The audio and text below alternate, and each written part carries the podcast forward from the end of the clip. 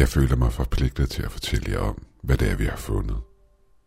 Følgende vil virke sindssygt for de fleste af jer, men det er, hvad vi fandt. Du undrer dig måske over, hvem jeg er. Mit navn er Chris Mayer, og jeg er uddannet geolog. Og i korte træk består mit job i at kortlægge havbunden. Måden jeg fik mit nuværende job på er en lang historie i sig selv, som jeg ikke vil spille jeres tid med.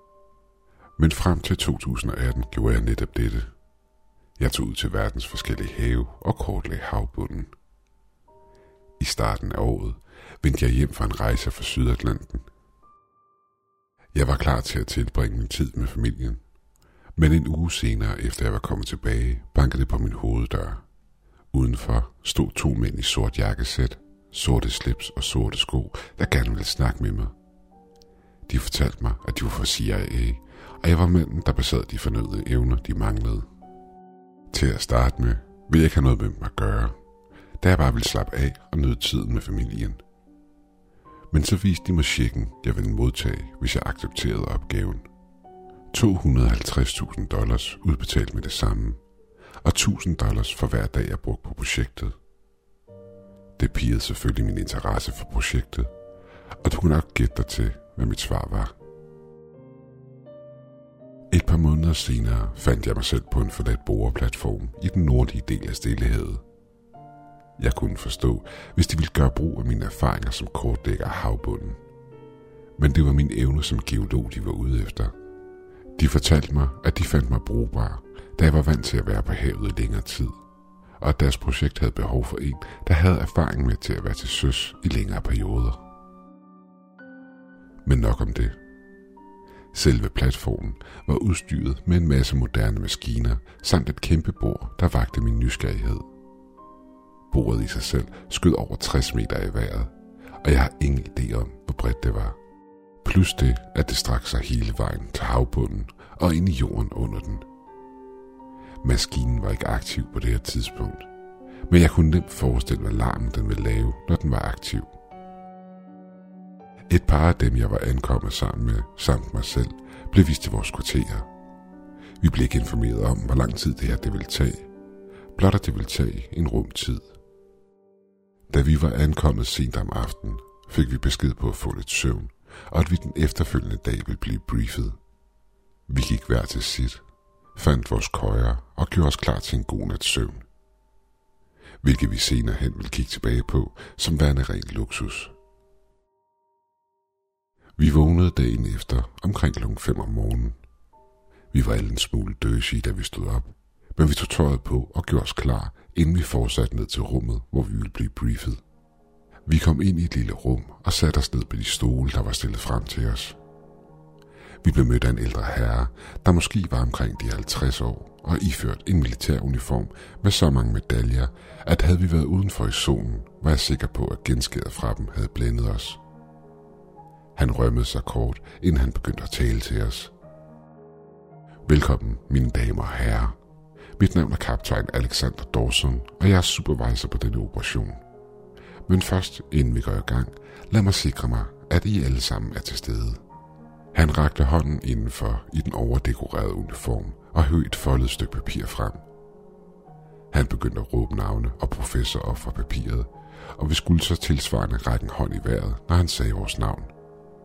Det var næsten som at være tilbage i skolen. Der var både ingeniører, et par marinebiologer, samt en masse andre professorer fra flere forskellige videnskabelige felter til stede i rummet. Men det mest overraskende var dog en sprogforsker. Hvorfor havde de brug for sådan en her, spurgte jeg mig selv om. Da han havde sikret sig, at alle var til stede i rummet, fortsatte han. Nogle af jer har med sikkerhed lagt mærke til maskinen, der er i midten af den platform. Det, mine damer og herrer, af bordet. Vi er en del af et regeringsprogram, der har til formål at finde ud af, hvad der gemmer sig af viden under vores fødder. Vores mission er at indsamle viden og information omkring vores planet for at fremskynde menneskehedens samlede viden om vores verden, sagde han smilende.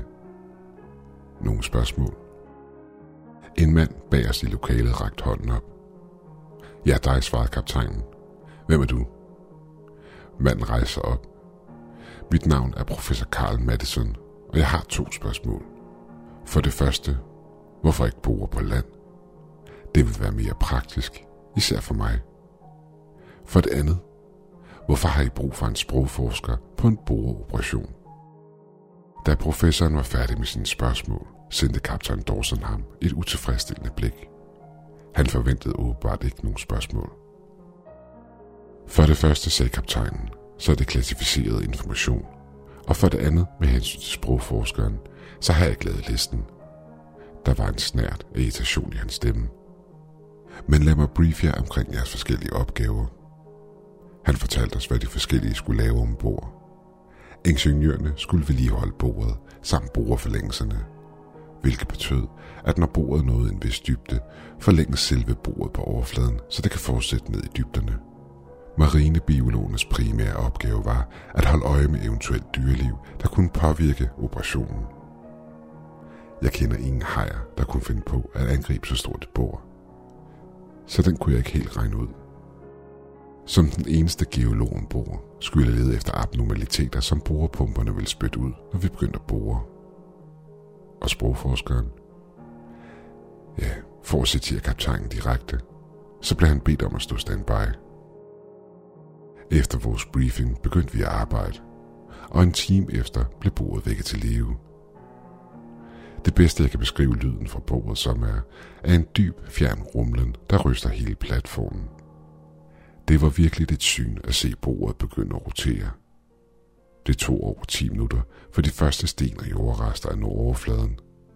Og allerede efter forholdsvis kort tid, havde vi gravet os over 4 km ned. Den første uge var begivenhedsløs. For det meste var det bare os, der brokkede os over kulden og vejret, og hvor trivielt hele situationen var. Jeg fik snakket med en del af gruppen, men for det meste var det Karl, jeg brugte min tid sammen med, da vi havde mindst at lave. Jeg kan huske en af samtalerne, jeg havde med ham. Han spurgte mig, om jeg troede, om folkene bag operationen havde andre motiver, end de fortalte os. Måske lå der noget gemt under os, vi ikke kendte til. Jeg kan huske, han var skeptisk over for alt. Så det fangede ikke min opmærksomhed. Alt jeg fokuserede på var, at hver dag vi brugte herude, var en ekstra 1000 dollars i bonus. Det var først tre måneder ind i operationen, at der skete noget. Vi havde gravet omkring 109 km ned, og efter min udregning havde vi ikke langt igen, før vi ville bryde igennem jordens yderste lag. Det var her pumperne begyndte at sprøjte en rødlig væske ud. Til at starte med troede jeg, det var magma, men det ville være umuligt. En masse råben og panik førte til, at bordet blev lukket ned. Jeg skyndte mig ned og så noget af den røde væske, der var blevet spildt ud på platformen. En af ingeniørerne holdt sig for næsen, i det han samlede en af klumperne op. I samme øjeblik han stod med det i hånden, smed han det fra sig og ubrød højlydt. Jesus fucking Christ. Da jeg kom tættere på, ramte lugten mig. Det var en gennemtrængende stank af rød og jern. Det er ikke sten det her. Det er blod, udbrød en bag mig. Han havde ret. De klumper, der lå rundt omkring på platformen, var ikke sten, men kød. Vi blev beordret til at starte bordet op igen kort tid efter, hvilket var en fejl. I samme øjeblik bordet blev startet, blev bølgerne omkring platformen højere og højere. Et jordskælv. Et jordskæld havde ramt os, og epicentret var lige ned under os. Vibrationerne, som bordet i sig selv lavede, kunne mærkes i platformen. Men jordskælvet var så stærkt, at vibrationerne fra det kunne mærkes i platformen i over en halv time. Pludselig stoppede det, og der var et kort øjeblik med ro. Det blev efterfulgt af en rystelse, der væltede mig og resten af mandskabet om på gulvet, hvilket resulterede i, at bordet blev lukket ned ret hurtigt efter. Det ødelagte bord blev inspiceret. Det ville tage et par dage for at reparere, så jeg brugte tiden på at prøve at finde Karl, men uden held. Den aften gik jeg i seng med en klump af frygt i maven. Morgen efter fandt jeg noget papir på mit natbord ved siden af sengen. Da jeg kiggede nærmere på dem, så jeg, der sad en stik i note på dem, hvorpå der stod følgende. Jeg fandt det her på kaptajnens kontor. CM. Den eneste person, jeg kendte med de initialer, var Karl. Da jeg åbnede dokumentet, så jeg, at der stod klassificeret med store røde bogstaver. Jeg gemte hurtigt dokumenterne under sengen og begyndte arbejdet med at analysere tingene, pumpen havde spyttet ud dagen forinden. Jeg spurgte selvfølgelig kaptajnen, hvor Karl var blevet af, og han fortalte mig, at Karl ikke kunne arbejde der mere grundet noget sygdom, og de var i gang med at finde en afløser. Den aften læste jeg dokumenterne igennem, og her hvad der stod i dem. I slutningen af 40'erne, lige efter 2. verdenskrig, havde den amerikanske regering en lignende operation som den, vi er i gang med nu. Lokationen var en arktisk, da de ønskede at etablere en større base, et isoleret sted, hvor de kunne bore ned. Navnet på operationen The Deep Drill Experiment, eller DDE. De begyndte på samme måde som os, og til at starte med skete der intet usædvanligt. Men så ramte de samme punkt som os, hvor pumpen begyndte at sprøjte blod og kød ud i stedet for sten. Men forskellen fra os og dem er, at de fortsat. De havde en række jordskælv, der ramte deres base, men på trods af det fortsatte de. Selve sporet knækkede, udskiftede de det blot og fortsatte. Men på et tidspunkt modtog de en meddelelse over radioen, der undrede dem, da ingen vidste, at de befandt sig på det her sted. Så de sporede signalet og fandt ud af, at det kom dybt inden fra jorden. Beskeden i sig selv var simpel. Det eneste den sagde var, stop.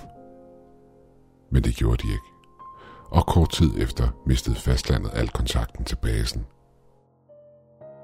I 1947 sendte den amerikanske regering en stor flåde afsted for at undersøge, hvad der var sket. 5.000 mænd, flere hanker skibe og andre militære flådefartøjer var blevet angrebet af en ukendt fjende. De slog hurtigt fast, at det ikke havde været tyskerne, der på daværende tidspunkt også var til stede på Antarktis, men noget helt andet. Dokumenterne i sig selv fortæller intet om, hvem eller hvad angriberen ellers kunne have været. Så der er ikke meget, jeg kan fortælle jer om det. Hvad angår blodet, vi pumpede op, så overlevede researchen for basen, eller det meste af det gjorde. De fandt ud af, at dybt under jorden er der enten et titanisk væsen, eller også jorden i sig selv en biologisk skabning. Dokumenterne nævner også navnet Jormungan, der er et mytologisk væsen fra den nordiske mytologi. I kender det sikkert bedre under navnet Midgårdsormen. Teorierne i dokumenterne er mange. De nævner også Hulios-teorien, samt det, at det siger, at der muligvis findes en underjordisk civilisation under vores fødder. Havde det ikke været et officielt klassificeret regeringsdokument, ville jeg have troet, det hele var kogt sammen af en sindssyg person, der havde mistet grebet om virkeligheden. Jeg smed dokumenterne i havet efter at have læst dem. Mest af alt for ikke at vække mistanke eller blive fanget med dem på mit værelse. Den efterfølgende dag fandt jeg fyren, der stod for kommunikation store op på toppen af platformen. Jeg gik hen til ham og begyndte small talk med ham for at få mig selv lidt på afstand af det, jeg havde læst. Efter vi havde snakket et par minutter, sagde han følgende til mig. Jeg burde ikke fortælle dig det her, Chris. Men i går modtog vi en besked. Jeg kan ikke forklare dig, hvordan det er muligt. Men vi sporer signaler til at stamme ind fra jorden af. Mit hjerte sprang et slag over, da han sagde det. Hvad sagde beskeden, spurgte jeg nervøs. Han tog et hiv af smøgen, inden han sagde. Det der er sidste advarsel. Forstyr ham ikke. Efter jeg havde hørt det her, bad jeg ham om ikke at fortælle nogen, at han havde fortalt mig det, hvilket han gik med til. Jeg fik overbevist kaptajnen om, at mit helbred ikke var på toppen, og jeg havde brug for at komme hjem. Det tog lidt tid, men efter en del frem og tilbage godtog han det, og jeg blev sendt hjem med et løfte om ikke at fortælle nogen om, hvad vi lavede her. Jeg nåede væk derfra på dagen, hvor bordet blev operationelt og skulle starte op igen – jeg skriver det her fra mit eget hjem. Verden må have kendskab til, at vi ikke er alene, og vores naboer ikke kommer udefra, men indenfra. Og de på ingen måde er glade for, at vi har forstyrret den sovende titan.